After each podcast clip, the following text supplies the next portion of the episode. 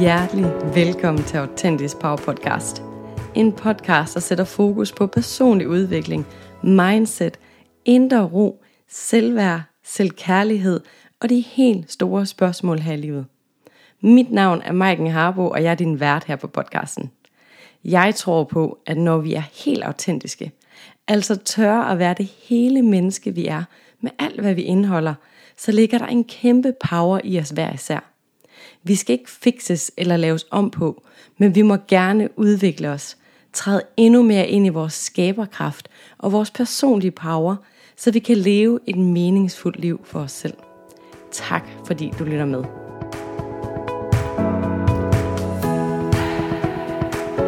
Hjertelig velkommen til dagens episode. Jeg har personligt gået og tænkt rigtig meget over, hvad er det for en samfund, vi alle sammen er en del af. Jeg øh, synes lidt, der er en tendens til, at det sådan er normalt at høre om folk, der går ned med stress, eller er udbrændte, eller er kronisk syge, eller har depression eller angst.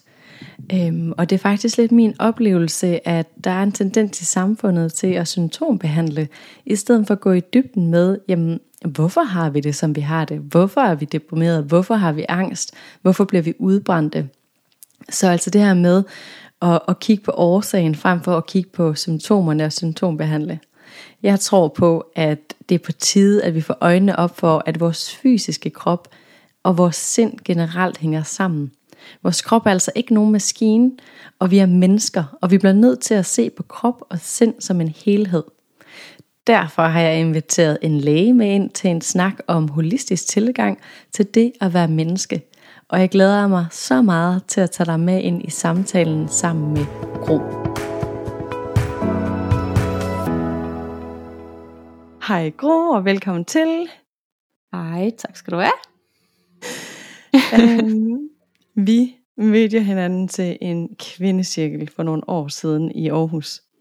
Ja. Og øh, jeg husker bare så tydeligt at komme til den her kvindecirkel, og, øh, og møde de her forskellige kvinder, hvor blandt andet du er, og du fortalte om, at du var læge, og også spirituel, og jeg mener faktisk, at du snakkede om, at du lige sådan var ved at springe ud af skabet i at være spirituel. Yep. Øhm, ja, og øh, jeg har faktisk lige haft nogle rigtig dårlige oplevelser med, med læger, som ikke lige kunne møde mig i den måde, jeg så verden på. Så jeg synes, det var vildt spændende at, at mødes med dig. Og det er jo faktisk også lidt på den baggrund, at vi har en samtale i dag. Ja. Men øh, ja, men jeg kunne helt vildt godt tænke mig, inden vi lige dykker ned i samtalen, om du lige vil sætte et par ord på, sådan, hvem er du? Ja, jamen sådan, øh, skal vi sådan lige tale de der sådan, sådan karakteristika, at jeg er øh, øh læge. Øh, jeg er 29 år gammel.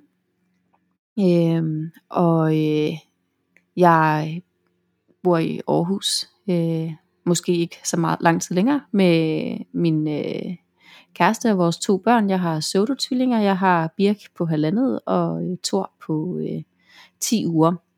Det betyder, at jeg er på barsel. Mm. Øh, jeg blev færdig som læge i øh, januar 2020, og øh, har der, derefter så skal man ud i, øh, i det, som man kalder turnus, øh, som der er måske nogen, der har hørt om, hvor man trækker et nummer og bliver sendt et eller andet sted hen. Og jeg blev så sendt til øhm, urinvejskirurgisk, øh, hvor jeg har været et halvt år, og så blev jeg så gravid og skulle på barsel. Øh, jeg skulle derefter i almen praksis noget at have en lille smule der. Så kom jeg så tilbage efter min første barsel, og øh, så blev jeg så gravid igen. Og øh, det betyder, at jeg stadigvæk mangler fem ugers tid i almen praksis, før jeg er færdig med min turnus. Øh, så det er sådan, hvad skal man sige, der jeg står. nu siger du, at vi har mødt hinanden i øhm, en spirituel kvindecirkel, og på det tidspunkt der for en tre år siden, der, øh, ja, altså jeg har altid været spirituel, men jeg tror for mig var det noget, jeg blev mere og mere bevidst om under mit studie, øh, hvor jeg stod i en periode i mit liv, hvor jeg var stresset og udbrændt og havde en masse fysiske symptomer, og jeg manglede, jamen jeg, jeg følte mig ikke hjemme noget sted, jeg følte ikke, at jeg følte ikke, at jeg passede ind, der følte ikke, at der var nogen, der forstod mig. Øhm, og så var det noget, jeg sådan begyndte at, øhm, hvad skal man sige, søge lidt mere ud af, øh, og prøve at finde et, øh, et netværk for, øh, og altså på det tidspunkt, der for tre år siden, jeg ved ikke, om der er mange, der holder kvindecirkler i Aarhus øh, i dag, men på det tidspunkt, der var der seriøst, altså det var da en helt ny ting, det der, mm. øh, med kvindecirkler. Det var noget, som der var nogle få i, og, og, nej, i, undskyld, i København, der gjorde, så det var, det var ret nyt. Mm. Øhm, at stå ved det, og det var stadigvæk noget meget hokus pokus og hekseagtigt. Øhm, så jeg manglede bare nogen at snakke med det om. Altså jeg kunne da ikke, det var, da, det var ikke noget, jeg kunne finde på mit studie. Mm. Øhm, så derfor så øh, meldte jeg mig til den her kvindecirkel. Øhm, og der var øh, du, og øh, jeg kan huske, at jeg tænkte, jeg havde, jeg havde sådan en eller anden med, altså jeg kunne bare mærke, at der var en eller anden form for genkendelighed, et eller andet mm. i dig, øh, hvor jeg sådan, hende bliver nødt til at række ud til. Fordi jeg tror, der er et eller andet, altså, hvor vi godt kunne, altså, hvor der er en eller anden form for connection her. Så det var egentlig derfor, jeg rækte ud til dig bagefter. Jeg var slet ikke klar over, at du havde øh, siddet lige der midt i øh, en masse dårlige oplevelser med læger, og så kommer jeg. det var jeg slet ikke klar over. kommer der en spirituel læge lige hoppende ind foran mig. ja. Ja. Spændende. Jeg sidder ja. sådan lidt og tænker på sådan, mm, om du har lyst til at dele lidt om sådan din rejse med det her med, og lidt af hvad det her holistiske læge, som du beskriver dig selv som. Fordi ja. jeg sidder og tænker lidt, det her med at gå på lægestudiet og begynde at, og begynde lidt at se tingene sådan holistisk, må måske ikke nødvendigvis have været det nemmeste, eller hvordan? Nej, og så alligevel, øh, og så alligevel, så er det egentlig ikke så besværligt. Men det er det jo ikke, fordi der er en hel masse, der sidder inde i en selv omkring det. Øh, jeg, øh, jeg er vokset op i et hjem, hvor der er min mor, hun har behandlet, altså min mor, hun er ingeniør, hun er, altså, så der er ikke sådan, fordi hun er, at hun er, øh, er noget sådan inden for den spirituelle verden. Jo, hun er zoneterapeut også, men ellers ikke. Øh, men hun har altid behandlet os, når vi havde forkølelse som i, i gymnasiet. Vi har været rimelig bevendt i, øh, i helsekosten, siden vi var små, mig og min bror. Mm. Øh, men det er det, jeg sådan har fået med sådan hjemmefra af spiritualitet. Øh, eller hvad man skal sige, af holistisk øh, tankegang omkring kroppen. Øh, og øh, så under studiet, da jeg kom på min kandidat, der begynder man at komme ud i klinik, man kommer ud på afdelingerne og begynder at prøve af, hvordan det er øh, egentlig at være læge. Og øh, der kom jeg ud i et sundhedsvæsen, øh, som vi sikkert kan snakke rigtig meget om, hvordan er. Øh, men det er i hvert fald ikke særlig øh, ja, det, det kører på pumperne. Øh, alle har travlt, og det betyder, at, øh, at man ikke, altså ikke selv som, som ansat i det sundhedssystem øh, kan trives. Det er i hvert fald de færreste, der gør det, og der er ikke tid til patienterne, så de trives heller ikke. Øh, og det begyndte at gå op for mig, da jeg kom ud i klinik. Øh, samtidig så begyndte jeg at øh, øh, have en masse fysiske symptomer på stress, og jeg begyndte at være udbrændt. Jeg øh, fik øh, to diskusprolapser oven i hinanden, og øh, øh, så vågnede jeg, havde noget eksem, som indtil da havde været noget, som holdt mig vågen om natten, fordi det kløede, øh, og jeg havde en masse søvnproblemer. Øh, og havde nogle underlige mareridt og alt muligt mærkeligt. Og så lige pludselig en dag, så vågner jeg med, øhm, med eksem i hele ansigtet, og fuldstændig, øhm, og hele, ned ad hele brystet. Ildrødt, og det klør og omkring mine øjne. Øhm, og det ligner det, som man egentlig kalder børneeksem, men samtidig så er der også et eller andet i det. Og jeg går ned til min læge og siger, jeg kan simpelthen ikke, det her, det, jeg kan jo ikke eksistere i det her, det er kommet over natten, og jeg var helt hævet op og jeg får antihistaminer, og jeg får binyrbarkhormon, men han er også sådan, jeg ved ikke, hvad det er. Øh, mm. Og så sender vi han mig videre til en akut tid hos en hudlæge, som så, øh, som så giver mig noget andet immundæmpende, og det er jo rigtig fint, fordi det virker jo, det virker jo immundæmpende, øh, hvilket betyder, at reaktionen forsvinder, symptomerne de mm. letter. Øh, ja. Og jeg begynder at behandle alt det her eksem, øh, med steroidcremer, øh, hormoncremer. Og øh, når jeg så holder pause med det, jamen, så kommer det igen. Mm. Og det gør jeg i, altså jeg bliver jo ved med at køre ud af den samme rille, og jeg bliver mere og mere sådan udbrændt og deprimeret i virkeligheden, uden egentlig kan sætte ord på, hvad der, der sker med mig, men jeg lukker mig bare mere og mere ind i mig selv. Øhm, og jeg, mine søvnproblemer bliver værre og værre, og øhm, har haft perioder, hvor jeg har sovet to timer, altså på, en, på tre dage. Øhm, Wow. ja, det bliver bare værre og værre. Øhm, og så på et tidspunkt, øhm, så begynder jeg, så begynder der at komme de her forskellige, øh, podcast bliver jo en ting lige pludselig under det her.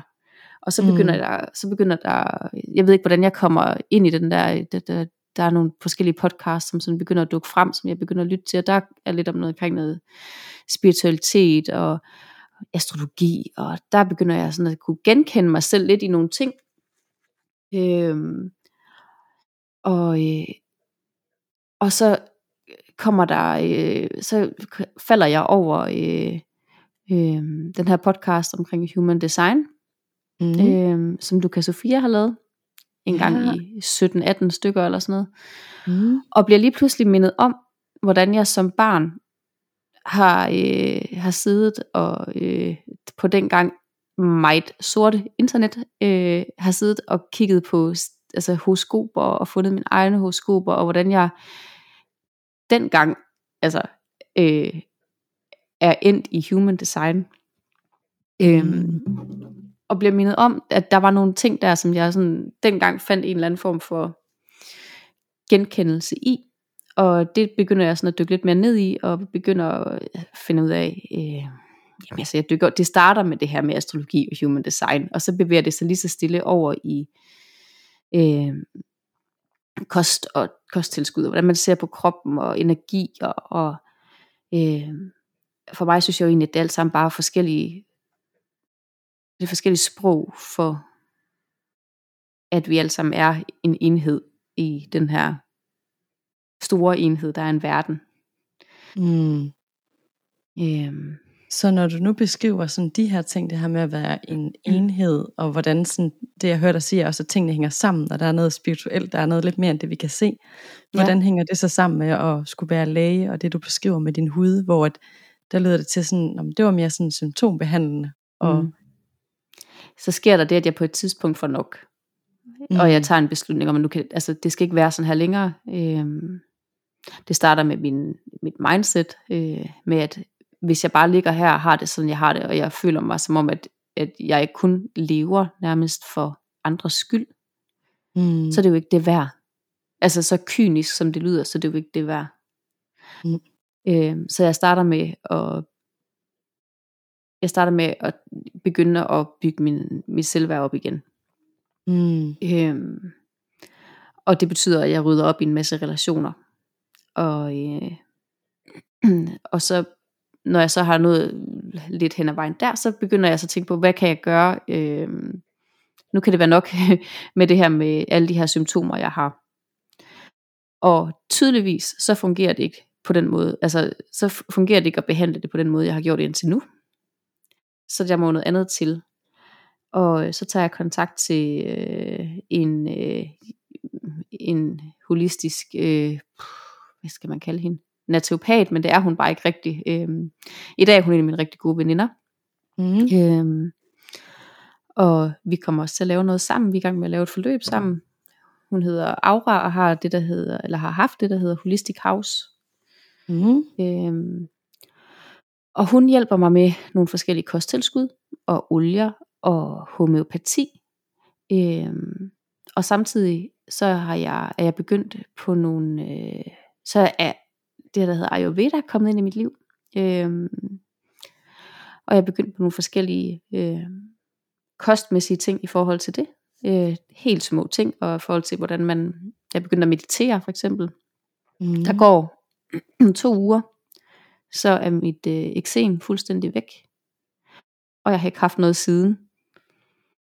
Ja, det er så vildt, for jeg synes jo, det der det er det fineste billede på, hvordan krop og sind hænger sammen. Den Præcis. måde, vi har det på, den måde, det der foregår indeni, hvordan kroppen reagerer på det, og ligesom viser de symptomer udenpå. Mm. Øhm, jeg synes, det er vildt interessant, fordi jeg har jo faktisk virkelig også stået meget med min hud, og ja. været ved diverse læger, som har sendt mig til hudlæger, som har sagt, det kan vi ikke gøre noget ved, men du kan bruge den her creme. Ja. Og så var det sådan en creme, creme, creme, creme. Puttede, ja, ja, og når jeg så puttede den i ansigtet, så kunne, hvis jeg, hvis jeg drak alkohol, så brændte hele mit ansigt. Det blev helt rødt og brændte, og det gjorde bare ondt. Og jeg var mm. sådan, det her, det kan umuligt være sundt. Og det var lidt det samme som dig, at sådan, det blev bedre, men når jeg så holdt pause, og man havde creme, uh, uh, tilbage igen. Ja. Øhm, og jeg har faktisk været der, hvor jeg har snakket med min læge om på et tidspunkt, jeg sagde sådan, men det kan jo ikke, altså det kan jo ikke passe, at jeg skal tage den her creme, som gør noget skidt for mig, og så skal jeg bruge den resten af livet, eller hvad siger du? Ja, men det er sådan, det er. Så siger jeg til ham sådan, kan du give mig en henvisning til en anden hudlæge? Og så siger han, det kan jeg godt, men han har læst den samme bog, som ham du lige har været ved. og så det er fuldstændig jeg, rigtigt. men så var jeg sådan, jamen altså, der må være noget med, hvordan krop og sind hænger sammen. Det var før jeg selv kom ind i den her selvudviklingsverden, og selv begyndte at kigge på det her, men jeg begyndte at være nysgerrig, jeg begyndte at være sådan, altså det kan bare ikke passe. Og så siger han til mig, ja, men så må du altså søge hjælp et andet sted, fordi jeg er læge, og jeg kan ikke hjælpe dig med det der. Nå, okay, så må jeg gå på, ja, så må jeg gå på min egen rejse. Ja. Okay. Men det er vildt interessant. Altså, så, så for mig er det virkelig et billede af, hvordan, altså, der er jo mange billeder på det, ikke? men altså, hvordan er det virkelig hænger sammen hos krop og sind, og i dit mm. tilfælde, hvordan du havde det indeni. Og ja. så begynder du at kigge på mm, både nogle mere naturlægemidler, men også hvordan du har det med dit selvværd og med meditation, det vil sige for mere indre ro, og så begynder mm. din hud faktisk at gå i bedring. Ja, præcis. Og det var jo, ja. i dag kan jeg jo se, hvordan det bare har været min krop, der har skrevet på, at der foregår noget inden i dig, der ikke er rigtigt. Ja. Ja. Øhm, og jeg var rigtig meget i tvivl, om jeg skulle fortsætte på medicinstudiet. Fordi jeg havde det, som jeg havde det, og jeg kunne se, hvordan det, altså, jeg ville egentlig gerne være læge, øhm, og jeg ville egentlig gerne øhm, hjælpe folk med at få det bedre, øhm, og hele folk, hjælpe dem til at hele sig selv. Øhm, men jeg kunne også se, hvordan jeg ikke kunne, jeg kunne ikke fungere i det her system. Øhm, jeg gjorde så det, at jeg, jeg tog en pause for en tænkepause øhm, efter mit øh, 8. semester, øhm, hvor jeg tog et halvt år øh, ud. Øhm, og så for at prøve faktisk at være en del af det, for at se, hvordan kan jeg, kan jeg altså, eksistere i det her. Så startede, så fik jeg mit dengang andet lægevikariat. Øhm, jeg har haft jeg har haft rigtig mange vikariater under studiet for at prøve at arbejde som læge for at finde ud af, hvordan jeg kan trives i det. Og jeg må mm. bare sige, under alle mine, altså, under al, altså jeg har prøvet alle mulige forskellige ting. Jeg, jeg har været i en akutmodtagelse, jeg har været i almen praksis, og jeg har været i psykiatrien som vikar, og senere hen også som læge. Og i alle, altså alle steder, der er der bare, der er travlt. Mm. Der er for travlt, og jeg har haft, jeg er blevet sendt hjem en dag fra arbejde, fra akutmodtagelsen, øhm, fordi jeg ikke kunne, jeg ikke kunne rejse mig. Wow. øhm, og jeg, sat, jeg sagde, jeg, jeg bliver svimmel, og så måtte jeg, blive sat ind på, øh, øh, ja, ind i kaffestuen, og så sad jeg der. Og så kunne jeg bare ikke, jeg kunne ikke rejse mig igen. Øh, der gik to timer, før jeg kunne rejse mig. Jeg var sådan, jeg skal op og arbejde, jeg skal op og arbejde. Men jeg kunne ikke, jeg kunne ikke komme op. Øh, og så sidst var de sådan, du, nu må du jo gå hjem, Gro. Og der havde jeg arbejdet i,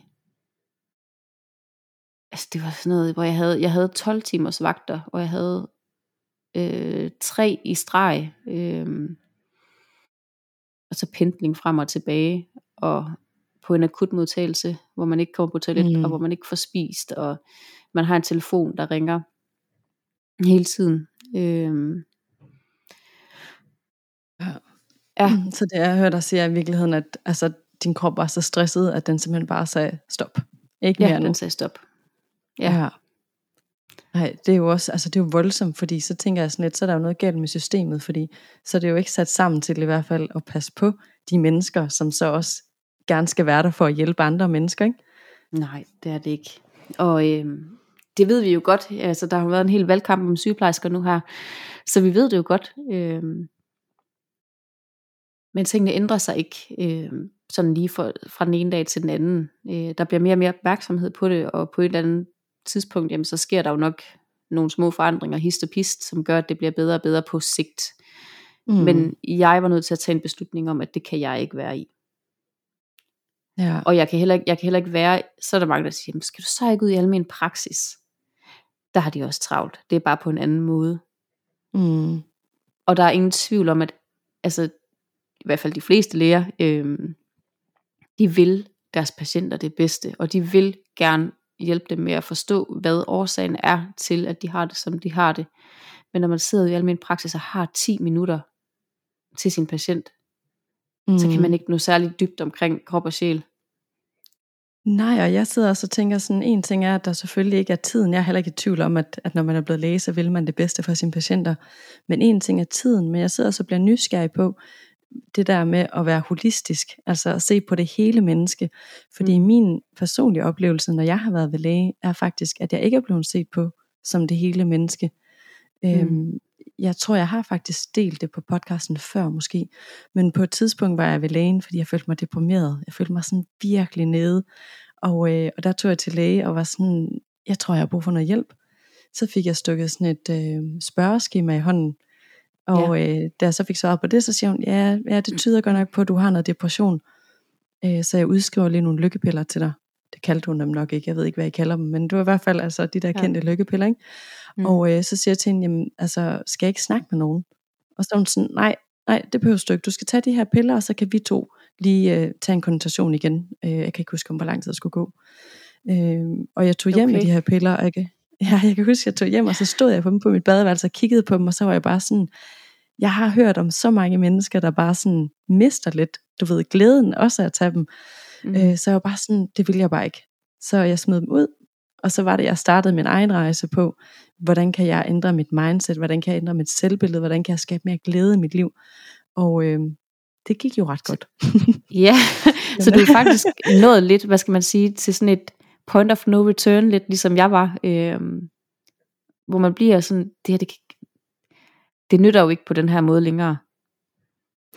Ja, det gjorde det faktisk, og jeg tror faktisk, det var fordi, at det var omkring samme tid, hvor jeg gik rigtig meget til læge over en lang periode, nok omkring et år, gik jeg rigtig meget til læge, fordi jeg døde rigtig meget med migræne. Mm. Altså ikke bare hovedpine, men migræne, hvor det var sådan, altså jeg skulle ligge i et mørkt rum med ingen lyde. Altså så slemt ja. var det, og det var sådan en følelse af at, at skulle kaste op, fordi der var så meget smerte. Så jeg gik til læge mange gange og blev sendt til forskellige sådan mennesker, der sådan skulle tjekke det, var sådan noget fysioterapeuter og kraniosakral og ja. massage, og jeg blev sendt til alt muligt. Jeg fik også scannet min ja. hjerne. Øh, og der var ikke noget, der virkede. Og jeg gik til læge flere gange og var bare sådan, prøv at nu kan jeg ikke passe mit arbejde mere, fordi det er så, det er så slemt. Og øh, så fik jeg bare udskrevet flere smertestillende og det gjorde jeg over en periode, hvor til sidst, da jeg gik på øh, apoteket en dag for at hente de her smertestillende, så kigger hun på mig og siger sådan, altså du ved godt, at øh, man skal helst ikke spise så mange smertestillende, som du spiser. Og så er jeg sådan, nej, men hvad skal jeg gøre? Altså der er ikke nogen, der kan hjælpe mig. Nej, øhm, så kender apotekeren en godt. Ja, og øh, da jeg så øh, ligesom fik mine øh, resultater tilbage fra den her hjernescanning, så siger neurologen sådan, altså din hjerne fejler ingenting, men øh, må jeg lige høre dig, hvordan har du det egentlig? Ja. og så fik vi en snak om, hvordan at jeg havde det på mit arbejde, hvor jeg overhovedet ikke trives på det tidspunkt. Øhm, men det var altså, der skulle virkelig meget til, og der var ingen læger, der satte spørgsmålstegn ved det her, før jeg snakkede med ham, neurologen. Og øh, da jeg så får sagt op på det her arbejde, så har jeg ikke haft et eneste migræneanfald siden, og det er nok, det er nærmere sådan at snakke fire år siden nu. Ej, hvor er det vildt. ja. ja, men det er jo virkelig, altså, ja, det siger jo noget om, hvordan en, ens krop og psyke hænger sammen. Ja, jeg tror i hvert fald, at de historier, jeg har med, og jeg sidder overhovedet ikke og siger, at alle læger, de, de er det, som jeg har mødt, men jeg har ikke mm. mødt nogen, der sådan i hvert fald så mig som hele menneske, og så lidt ligesom den der holistiske tilgang. Så jeg tror for mig i hvert fald, der er det blevet meget, meget tydeligt, i, i og med, hvordan min krop har reageret, og det, jeg har set, der er sket, at for hulen, mand, vi kan ikke adskille de to ting. Ja, du har også på en eller anden måde ramlet ind i nogle af de, hvad skal man sige, de, de værste stereotyper for, hvordan man kan reagere på det der. Ja. Øhm, som læge, fordi det er jo ikke alle, der er sådan. Der er jo mange, der også, der udmærket godt er klar over, at øh, altså, det bliver jo også mere og mere, øh, der er jo mere og mere opmærksomhed på det, at, at, at selvfølgelig, hvis du har hovedpine, jamen hvordan har du det så egentlig? Er det fordi, vi står over, at du skal, at du skal have en sygemelding for at prøve af, om det måske er, øh, om det er der, altså der stenen, øh, den, eller skoen trykker, eller hvad det er, man siger. Mm. så det bliver, øh, der bliver mere og mere opmærksomhed på det. Øh, man kan sige, mm, jeg ved ikke, om jeg skal, den måde jeg, øh,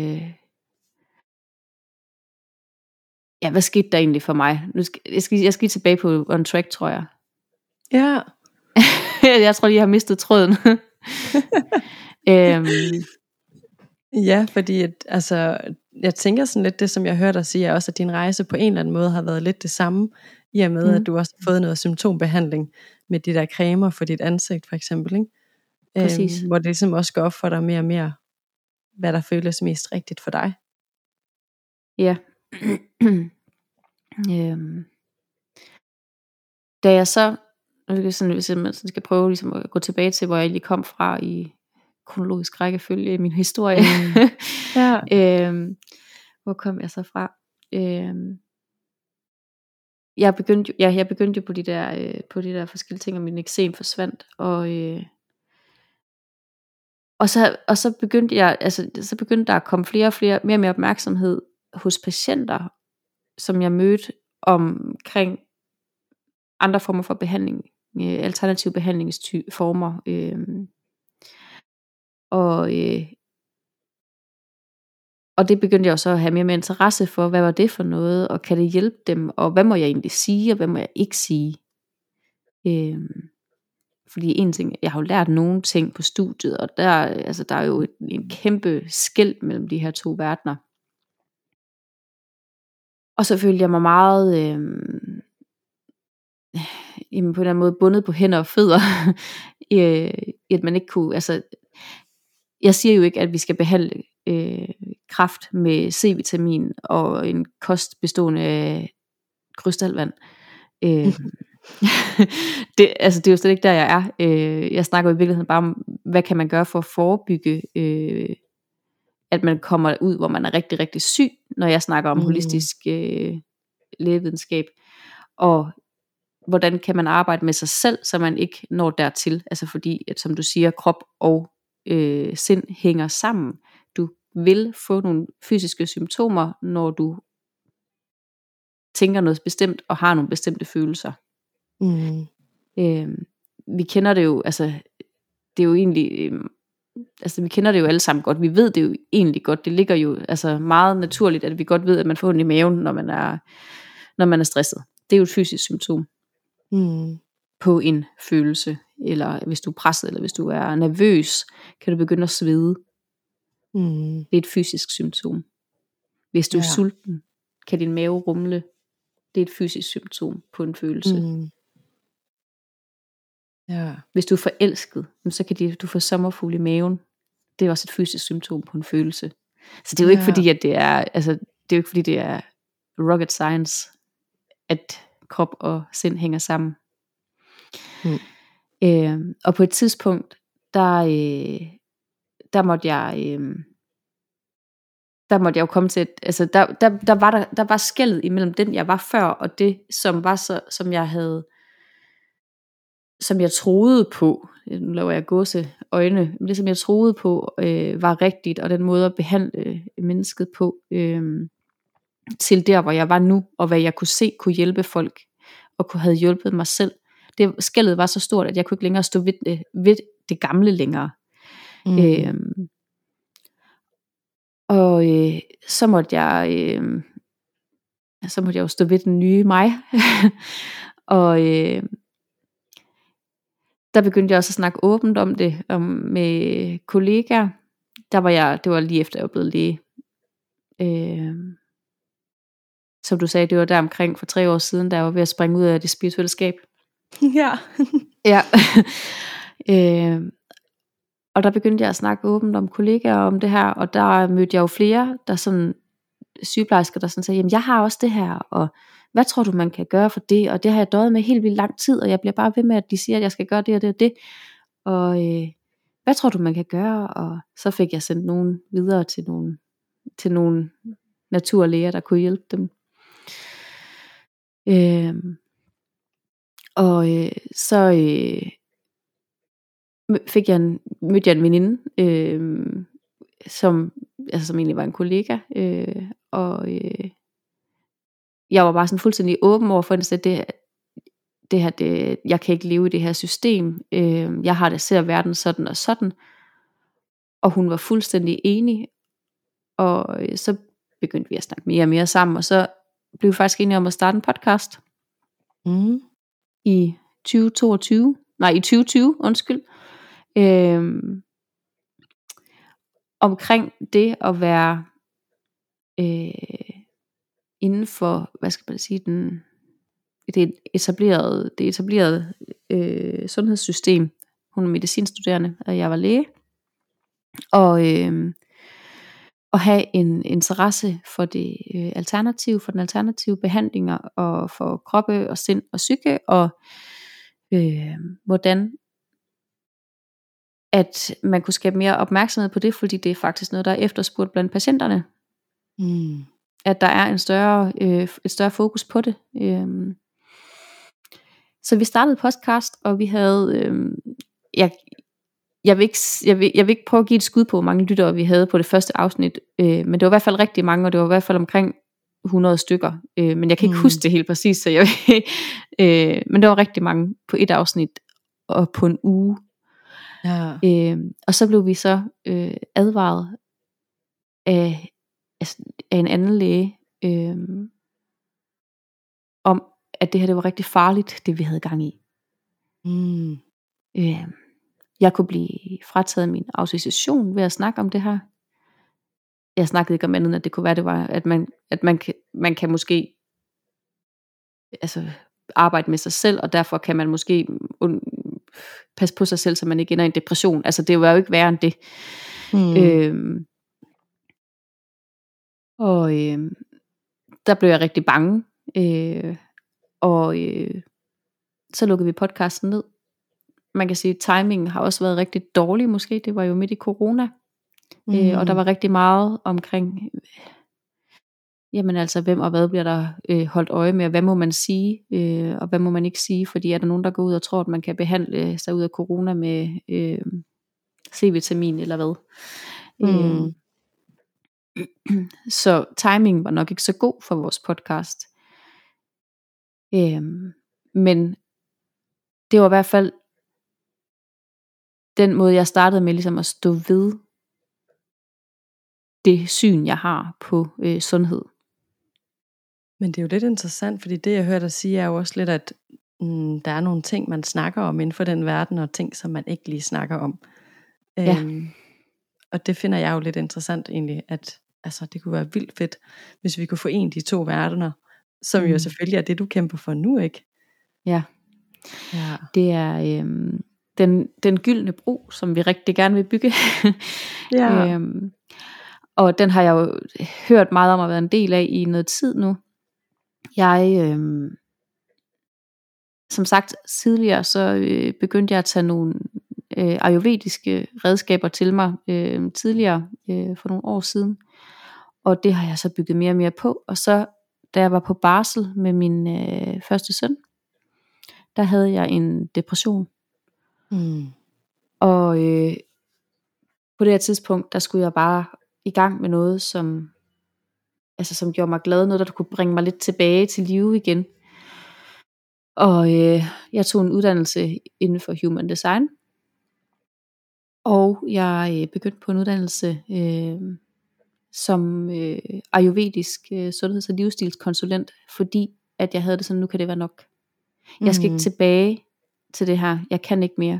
Øh, og øh, jeg, har, jeg er nået derud nu, hvor det ikke er... Øh, det er ikke det værd at blive ved med, og øh, hvad skal man sige, at, at prøve at se, om man kan finde en lappeløsning. Nu bliver jeg nødt til selv at gå vejen, Mm. og selvom den ikke eksisterer. Så øh, Jeg tilmeldte mig- det manifester stil. præcis, øh, totalt skræmmende. øhm, men jeg havde heller ikke lyst til i vaskeægte manifestorsil og skulle have andre til at bestemme for mig, hvad jeg skulle. Nej. Nej. Øhm, så begyndte jeg på det her øh, ayurvediske kursus, øh, og øh, det er hos noget, der hedder Nordic Ayurveda. Øh, det er to dejlige kvinder, der har det, der hedder øh, Maria Jul og Christine Svale Torp, nu skal jeg simpelthen huske, om jeg kan sige det rigtigt. Øh, Maria har skrevet øh, de her bøger, som man måske har hørt om, omkring Ayurveda, der hedder øh, Lev mere, øh, kæmp mindre. Øh, og øh, Christine, hun er ved at uddanne sig som, øh, som ayurvedisk læge. Og så ved jeg ikke, om jeg måske skal forklare lidt om, hvad Ayurveda egentlig er. Ja, det tror jeg da egentlig vil være en god idé at begynde at kigge på. så vi de Ja, det. sammen følge helt med. Ja, hvis du kan gøre det kort. Okay. Ayurveda er et det ældste sundhedssystem, vi ved eksisterer. Det er et indisk sundhedssystem. Øhm, og det er, man siger, det er omkring 5.000 år gammel. Og når man uddanner sig som læge i Indien, så kan man selvfølgelig tage en ganske almindelig universitetsuddannelse, som jeg har gjort i vestlig medicin, men øh, mange bliver også uddannet i en kombi-version, hvor man både får den ayurvediske læge og den vestlige øh, læge, så de bygger mm. sådan set en rigtig fin bro der, ikke? Øh, det ayurvediske livssyn ser os mennesker som egentlig som de dyr vi er. Øhm, vi er jo bare et menneskedyr, øh, som er en del af naturen. Det vil sige, at vi følger øh, cyk- cykli, øh, jordens og planeternes og universets cykli. Det hele hænger sammen i en stor øh, sammenhæng, og det bliver lige pludselig meget sådan løvernes kongeagtigt. Men øh, når ikke andet, så er det jo, så er det jo rigtigt nok, at, Øh, at vi er øh, en del af alle de her elementer, vi omgiver os med. Vi er ikke, altså vi er også bare et dyr. øhm, så inden for Ayurveda, så siger man, at vi er en del af naturen, en del af, øh, af de her cykli, og vi indeholder alle de her elementer, som naturen også element, øh, indeholder, altså jord, og vand og ild og luft, og så det, der hedder æder, øh, som er mellemrummet mellem substanser. Øh, måske også det, man kan kalde energi. Mm. Mm. Og øh, når man så, så er der en hel masse sådan fagtermer inden for Ayurveda. Der er noget, der hedder dosha og agni og øh, yoga øh, er en stor del af det. Øh, men det korte og det lange omkring ayurvedisk sundhed er, at at vi er opdelt i øh, krop, sind og sjæl, Mm. og at vi skal have balance mellem de her tre øh, enheder, og på hvert plan, for at være sunde. Øh, og hvad kan jeg sige, hvis det er, at vi øh, kun kigger på kroppen, øh, så symptombehandler vi der. Hvis vi kun kigger på vores, øh, vores øh, følelser og vores sind, øh, så symptombehandler vi der, og, uden at tænke på de andre planer. Og hvis vi kun, Mm. hvis vi kun lever op i vores øh, sjæleplan, hvis vi kun mediterer dagen lang, jamen så er vi jo også, øh, så negligerer vi jo også noget, noget andet, ikke? Så den ayurvediske sundhedstilgang øh, tilgang er jo at skabe sundhed mellem de her tre planer, og på de tre planer. Og der er en hel masse om, hvordan de her elementer så øh, har forskellige kvaliteter, og hvordan man kan udnytte det i forhold til, øh, når man kigger på et menneske og ser, hvad de har af øh, symptomer og øh, problemer i deres liv, og hvor de står, hvad de mangler, hvad de har brug for for at skabe balance i deres liv, jamen så går man ind og kigger, og hvordan kan vi så behandle øh, så kan vi behandle på det her plan med øh, meditation, eller vi kan behandle med yoga, og nogle forskellige slags yoga-stillinger, som gør noget forskelligt i forhold til der, hvor man har en ubalance. Øh, men det er også kosten, og det er også øh, tilskud, øh, men det er ikke, altså, det er jo ikke, øh, som jeg sagde før, så det er jo ikke, det er jo ikke krystalvand og, øh, og C-vitamin tilskud til at behandle en kræftsygdom. det er forebyggende behandling i virkeligheden. Øh, sundhedsforebyggende behandling. Og bare det, at jeg er nødt til at sige, at, altså at slå fast, at det er det ikke, der har vi et mm. problem jo. Fordi ja. det betyder, at der er den her øh, enorme skæld og forudindtagethed øh, omkring den alternative verden og det etablerede sundhedssystem. Og det er der i begge ja. lejre i virkeligheden. Ja, altså som jeg sådan lidt ser det, og måske også lidt fornemmer, at du ser, så er det sådan, så tænker jeg sådan, det er ikke fordi, vi bare skal kaste lægeuddannelsen væk, eller den vestlige læge, hvad, hvad kan man sige, måde at se verden på væk, men det mere handler om at kombinere de to verdener, så vi kan få det bedste fra begge verdener. Præcis, og jeg synes jo i virkeligheden, det er fjollet, at man ikke bare gør det. Altså jeg kan ikke se, altså der er jo måske meget visionær, men jeg, jeg synes det er så fjollet, at man sidder i den ene lejr, og, så, altså, og kaster mudder på den anden. Mm. Når der er så meget godt at hente i begge lejre. Og ja, ja, så er der et sundhedssystem, som halter helt vildt på tid og ressourcer, øh, som tit gør, at man ikke får øh, set alt det gode, der faktisk også er der. Mm. Ja, jeg synes det er vildt interessant, især det her, som du siger med at forebygge. Øhm, mm. Fordi jeg tænker at der i hvert fald helt sikkert også, der er også noget forebygning i det her med, jamen hvis vi nu passer rigtig godt på os selv, både med med vores krop og vores sind, jamen så kan det være, at vi kan undgå depressioner eller angst, eller altså mm. de der former for, for sygdom også, hvis vi passer på, mere på os selv. Øhm, der er jo også det her med, med stress, der tænker jeg lidt nogle gange, det lyder som om stress, det bliver sådan lidt, nå, det har alle vel haft efterhånden, eller nå, det har du også lige, eller hvor jeg tænker yeah. sådan, det burde bare ikke være så normalt. Ja, kender du nogen, der ikke har haft stress? Det er, altså, altså det er godt nok ikke, øh, det er ikke mange. altså, jeg synes, de fleste altså man skal jo nærmest ned i et, øh, i et eller andet, øh, altså ja, et samfund, der er fuldstændig afskåret fra vores, for at finde nogen, der ikke lever under stress. Ja, og det er der, hvor jeg synes, det bliver interessant at gå ind og kigge på det, sådan det hele menneske, sådan så mm. at, at vi måske netop også kan forebygge den slags. Det er i hvert fald noget, det jeg brænder rigtig meget for, at forebygge depressioner, angst, stress, og hvis vi egentlig har det, jamen, så lad os kigge på, hvordan kan vi komme tilbage til en balance, hvor vi har det godt i os selv, i stedet for at give os selv medicin, eller bare leve med det, fordi, nå, men så er det sådan her, det er nu. Øhm, det tror jeg ikke er vores Ja, så skal du tage noget antidepressiv, fordi det gør man. Ja. Det er den bog, jeg har læst. Ja, så jeg ja. tænker i hvert fald, altså sådan, det der med at sætte de der to verdener sammen, og have mere fokus på, jamen, hvordan trives vi egentlig? både med mm. krop og sind, det synes jeg er så vigtigt, og jeg synes, din mission er jo bare, altså, jeg sidder og klapper mine små fede hænder, fordi jeg synes, det er så dejligt, at du går den vej, også selvom at, at det kan være lidt en ensom vej, jeg skal gå for os nogle gange. Ja, jeg vil sige, efter at være startet hos, øh, på min uddannelse, ayurvediske uddannelse hos Nordic Ayurveda, så har jeg fundet øh, et sted, hvor jeg ligesom, hvor, hvor de har samme mission som mig. Mm. De er her jo heller ikke for at, hvad skal man sige, at øhm, kaste mudder på det etablerede sundhedssystem, eller overtage det på nogen måde. De er her også for at skabe og bygge bro. Øh, ja. Og som min lærer, hun siger, øh, hun siger, Ayurveda er jo i virkeligheden personlig medicin. Mm.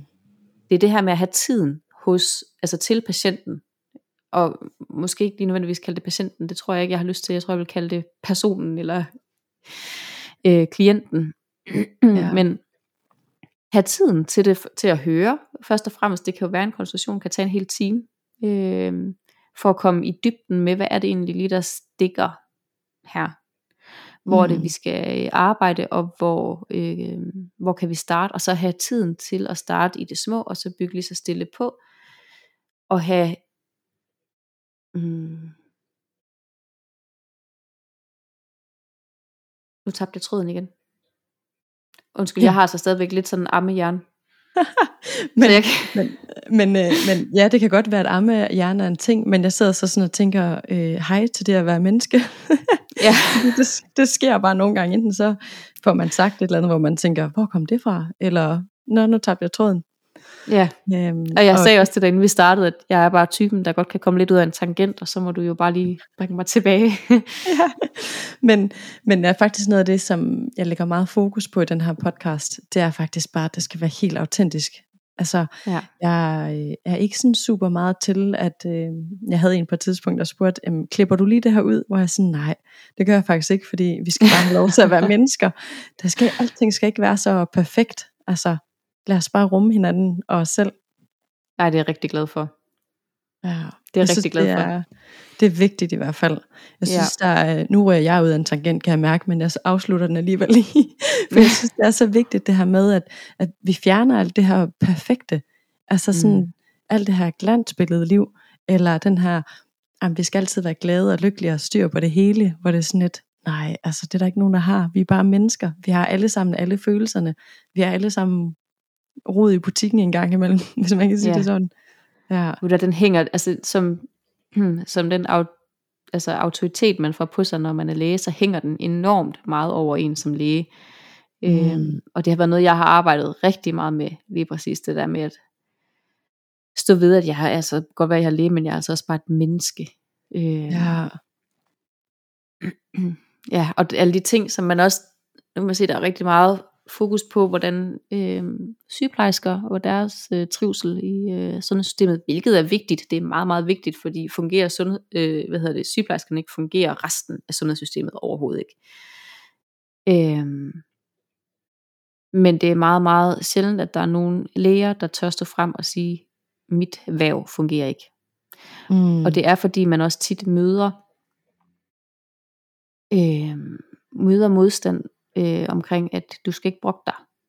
Øh, man får tit alle de her, altså det der med, du skal ikke brokke dig, du har fået foræret en lang uddannelse. Den har du mm. fået betalt. Du får en høj løn, apropos vi snakkede om, inden vi gik i gang, øh, mm. så du skal ikke brokke dig. Øh, der, altså, og du har, altså at være læge er et kald. Du har Mm. aflagt et lægeløfte, så du ja. skal ikke brokke dig. Du har selv valgt det. Men det kan da godt være.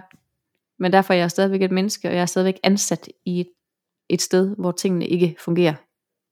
Ja. Ja. Og der har alle vel lov at brokke sig. Ja, det er da i hvert fald vigtigt, at, at dem, som der i hvert fald også skal på, passe på os, også selv trives, sådan så de. Mm. ikke sidder der og stresset, eller selv har migræne, eller hvad det nu kan være, ikke? Ja, jeg tror ikke, jeg havde, altså, jeg tror, hvis jeg havde fortsat ud den tangent, så havde jeg jo ikke været en, øhm, jeg havde ikke været en særlig god læge for mine øh, patienter. Mm. Og har man lyst til at vide det, om, altså, at den læge, du sidder overfor, øh, sidder faktisk og har det meget værre end dig selv. Ja. Så tænker jeg i hvert fald, det kan være svært at sådan, øh, have omsorg og øh, medfølelse over for et menneske, hvis man selv sidder og er, er super, super presset på sin egen følelse, Mm. eller på sin egen krop, eller hvad det nu kan være, ikke? Ja. Ja. Jeg har nogle gange tænkt, øh, og også snakket med andre kollegaer om det, øh, når man sidder der som helt ung turnuslæge i almen praksis, og sidder med rigtig mange af de her øh, psyksamtaler, som vi kalder det, folk, der skal, øh, der skal sygemeldes Mm. på grund af depression og på grund af stress. Og man sidder selv og har drukket fem kopper kaffe og øh, sidrer fuldstændig ens nervesystem er helt op at køre, og så sidder man og siger, du skal vist have en sygemelding. Det kan, Ja. og du skal vist snakke med en psykolog. Og de siger, jamen jeg har ikke tid, og bla bla bla. Jamen, det, det, du skal tage dig af dig selv, du er den vigtigste. Og man sidder bare man selv, der. man sidder selv, og man burde bare tage sit eget råd, og så går man, så går man bare videre til den næste patient. Ja. Mm. Ja, ja der det er meget, dig. det er jo meget sigende øh, på en eller anden måde om, hvordan, vores, øh, hvordan vi har det mm. ude i sundhedssystemet. Ja. Og, det, Og der det- var en, altså- øh, Nej, du snakker bare.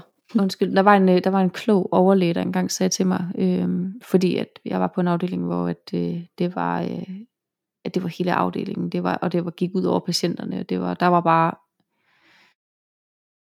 ja, man kom, jeg, man kunne have 10 timers arbejde uden at, altså, uden at få lov til at komme på toilettet. Øhm, Mm. Og samtidig stå med akut kald på folk, der var døende. Det var frygteligt.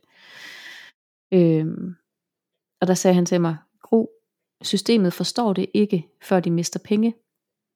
De forstår ikke, at du råber op. De forstår ikke, hvis det er, at du, øh, hvis du bare står her og bjæller. Altså, du skal, sygemelde dig, fordi så mister de penge. Det er der systemet begynder at forstå det. Mm. Så byråkratisk er det desværre.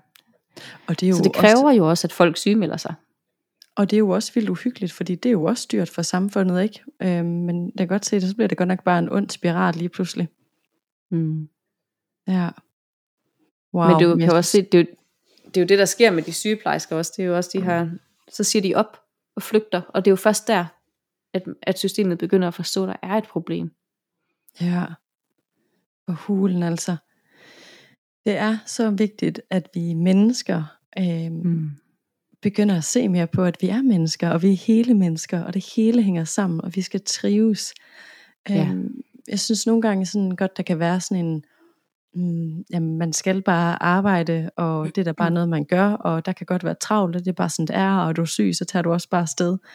Øhm, lidt det som om, at man tager på arbejde uden at være menneske, og så kan du tage hjem bagefter at være menneske, og have skavanker, eller tænke over, hvordan du har det, men på arbejde, der tog de sådan en kappe på. Ja, Og det synes jeg er lidt uhyggeligt, for vi bruger der jo er du bare en maskine. Ja, og vi bruger jo alligevel plus minus 37 timer om ugen. Det er en ret stor del af vores liv, øh, vi Mm. bliver sat i den position. Øh, jeg arbejdede faktisk på et tidspunkt et sted, og det er så helt tilbage til, da jeg gik på universitetet. Så det er mange år siden, der arbejdede jeg et sted, hvor jeg ringede og meldte mig syg, for jeg havde feber. Og der fik jeg at vide, jamen, kan du finde en anden, der kan afløse dig? Så var jeg sådan, nej, det har jeg prøvet. Nå, men så er du nødt til at møde ind. Så var jeg sådan, okay, voldsomt nok, men jeg var jo Hvad? sådan set også opdraget, jamen, jeg var også opdraget til, at altså, man skulle passe sine ting, så det gjorde jeg. Øh, nu var det bare sådan, at jeg arbejdede med mad, og jeg nåede nok at være der i to timer med feber, før at der var nogle af kunderne, der ringede til chefen og var sådan, det er lidt ulækkert, at hende der, der står og laver os mad, at hun tydeligvis er syg og ramt af feber. Øh, og da de fik de klager, jamen, så blev jeg så sendt hjem. Men jeg synes Ej, bare hvor sådan, frygteligt. Ja, men det er sådan meget sådan, wow, tænk at det er sådan, at vi behandler mennesker, ikke? Altså sådan, at vi bare, jamen, du er bare en maskine, du kommer vel ind, hvis der ikke er andre Mm. maskiner, der kan. Ja, eller tag to panodiler, så kan du vist godt gå på arbejde. Ja, ja. Wow. Det, øh, det kunne vi have en lang fortsat samtale. Ja, det kunne godt lige åbne op for noget helt andet. ja, ja. Øhm, men, men i hvert fald sådan, lige så stille og roligt sådan afslutningsvis, så Mhm. øh, vil jeg i hvert fald bare sådan sige tak, fordi at du øh, vil dele din, øh, din verden lidt med os. Og jeg synes jo, det er så vigtig en mission, du er på. Tak Og, fordi jeg øh, måtte være med. Det var mega godt, men jeg kunne helt vildt godt tænke mig lige sådan at stille sådan en helt afsluttende spørgsmål. Ja. Fordi nu hedder det jo Autentisk Power Podcast. Og så Mhm. kunne jeg godt tænke mig at høre, hvornår i dit liv føler du dig mest autentisk?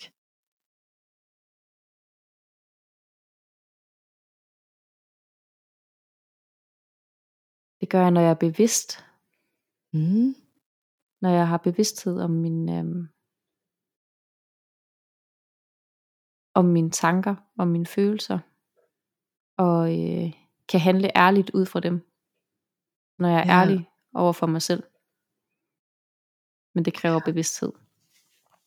Ja, det er faktisk virkelig godt sagt. At ja, hvis vi skal være ærlige over for os selv, det kræver virkelig, at vi er bevidste om, hvad er det, vi skal være ærlige med, og hvordan har jeg det egentlig? Mm. Ja, Og der kan man jo tit ryge ud i, ryge, altså blive taget af sine følelser og ryge ud i det, og så øhm, kan det jo være svært ligesom at, øh, altså i for sig, så er man jo også autentisk, når man er i det. mm. Øhm, men hvis man så bliver ved med at agere efter et gammelt mønster, som ikke er hensigtsmæssigt for en, og man er sådan, så begynder man ligesom at være uautentisk for det, der er rigtigt for en. Mm.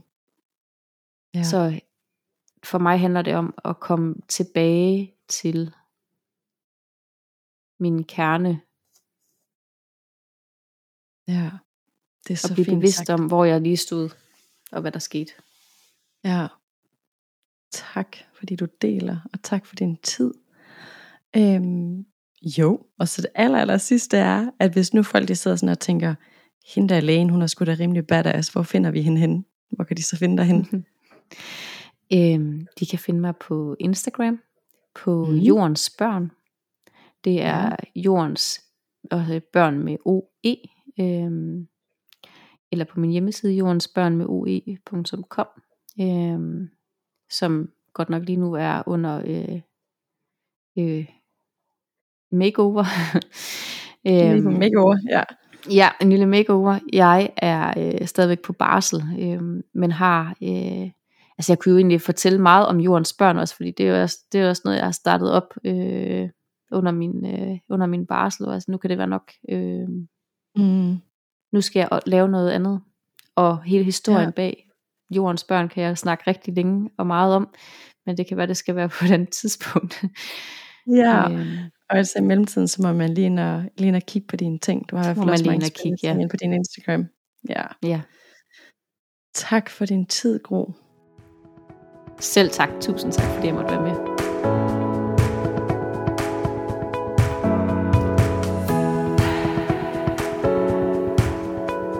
Jeg håber, at samtalen med Gro har sat nogle tanker i gang hos dig – og øh, man kan i hvert fald sige, at for mig er der en helt specifik grund til, at jeg har taget det her emne op.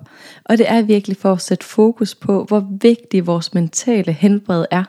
Fordi det kan vise sig i fysiske symptomer i kroppen, når vi ikke har det godt i sindet. Det er blandt andet derfor, at jeg brænder for mit arbejde. For der er ikke nogen, der skal ende med at stå med medicin i hånden, eller lykkepiller, eller brænde ud, eller have angst, eller hvad ved jeg, ikke føle sig tilstrækkelig, når vi i virkeligheden kan gøre rigtig meget forarbejde med at bygge vores selvværd op, med at have fokus på vores holistiske livsstil, altså hele mennesket. Vi kan kigge på, hmm, har jeg nok, har jeg nok ro? Hvad er det for nogle tanker, jeg tænker? Hvordan er det, jeg har det indeni? Hvad er det for nogle følelser, jeg har? Og hvordan tager jeg mig af dem? Altså alt i alt vores daglige trivsel. Og øh, jeg kan i hvert fald sige, at jeg fandt ud af, at det der gjorde mig deprimeret dengang, det var mit eget mindset. Det var mit eget selvbillede, den måde jeg så mig selv på i livet, men også den måde jeg valgte at leve på. Og øh, det er også derfor, jeg brænder så meget for det, jeg gør i dag, fordi jeg tror ikke på, at det er en normal tilstand for nogle af os mennesker, at vi hverken skal være deprimeret, have angst, være udbrændte, øh, ikke have noget energi eller andre fysiske symptomer. Øh, jeg tror på, at vi alle sammen kan trives og have det godt med os selv, men jeg tror også på, at det er rigtig vigtigt, at vi har fokus på vores mentale helbred, hvordan vi har det, hvordan vi tager os af os selv. Så jeg håber, at du har nyt episoden, og hvis du har lyst til at dele den her episode med en du kender, som har kunne have gavn af at lytte til episoden, så del den endelig. Og har du lyst til at dele med mig, hvad du fik ud af at lytte til episoden, så vil jeg elske at høre fra dig. Jeg ønsker dig en rigtig dejlig dag. Hej.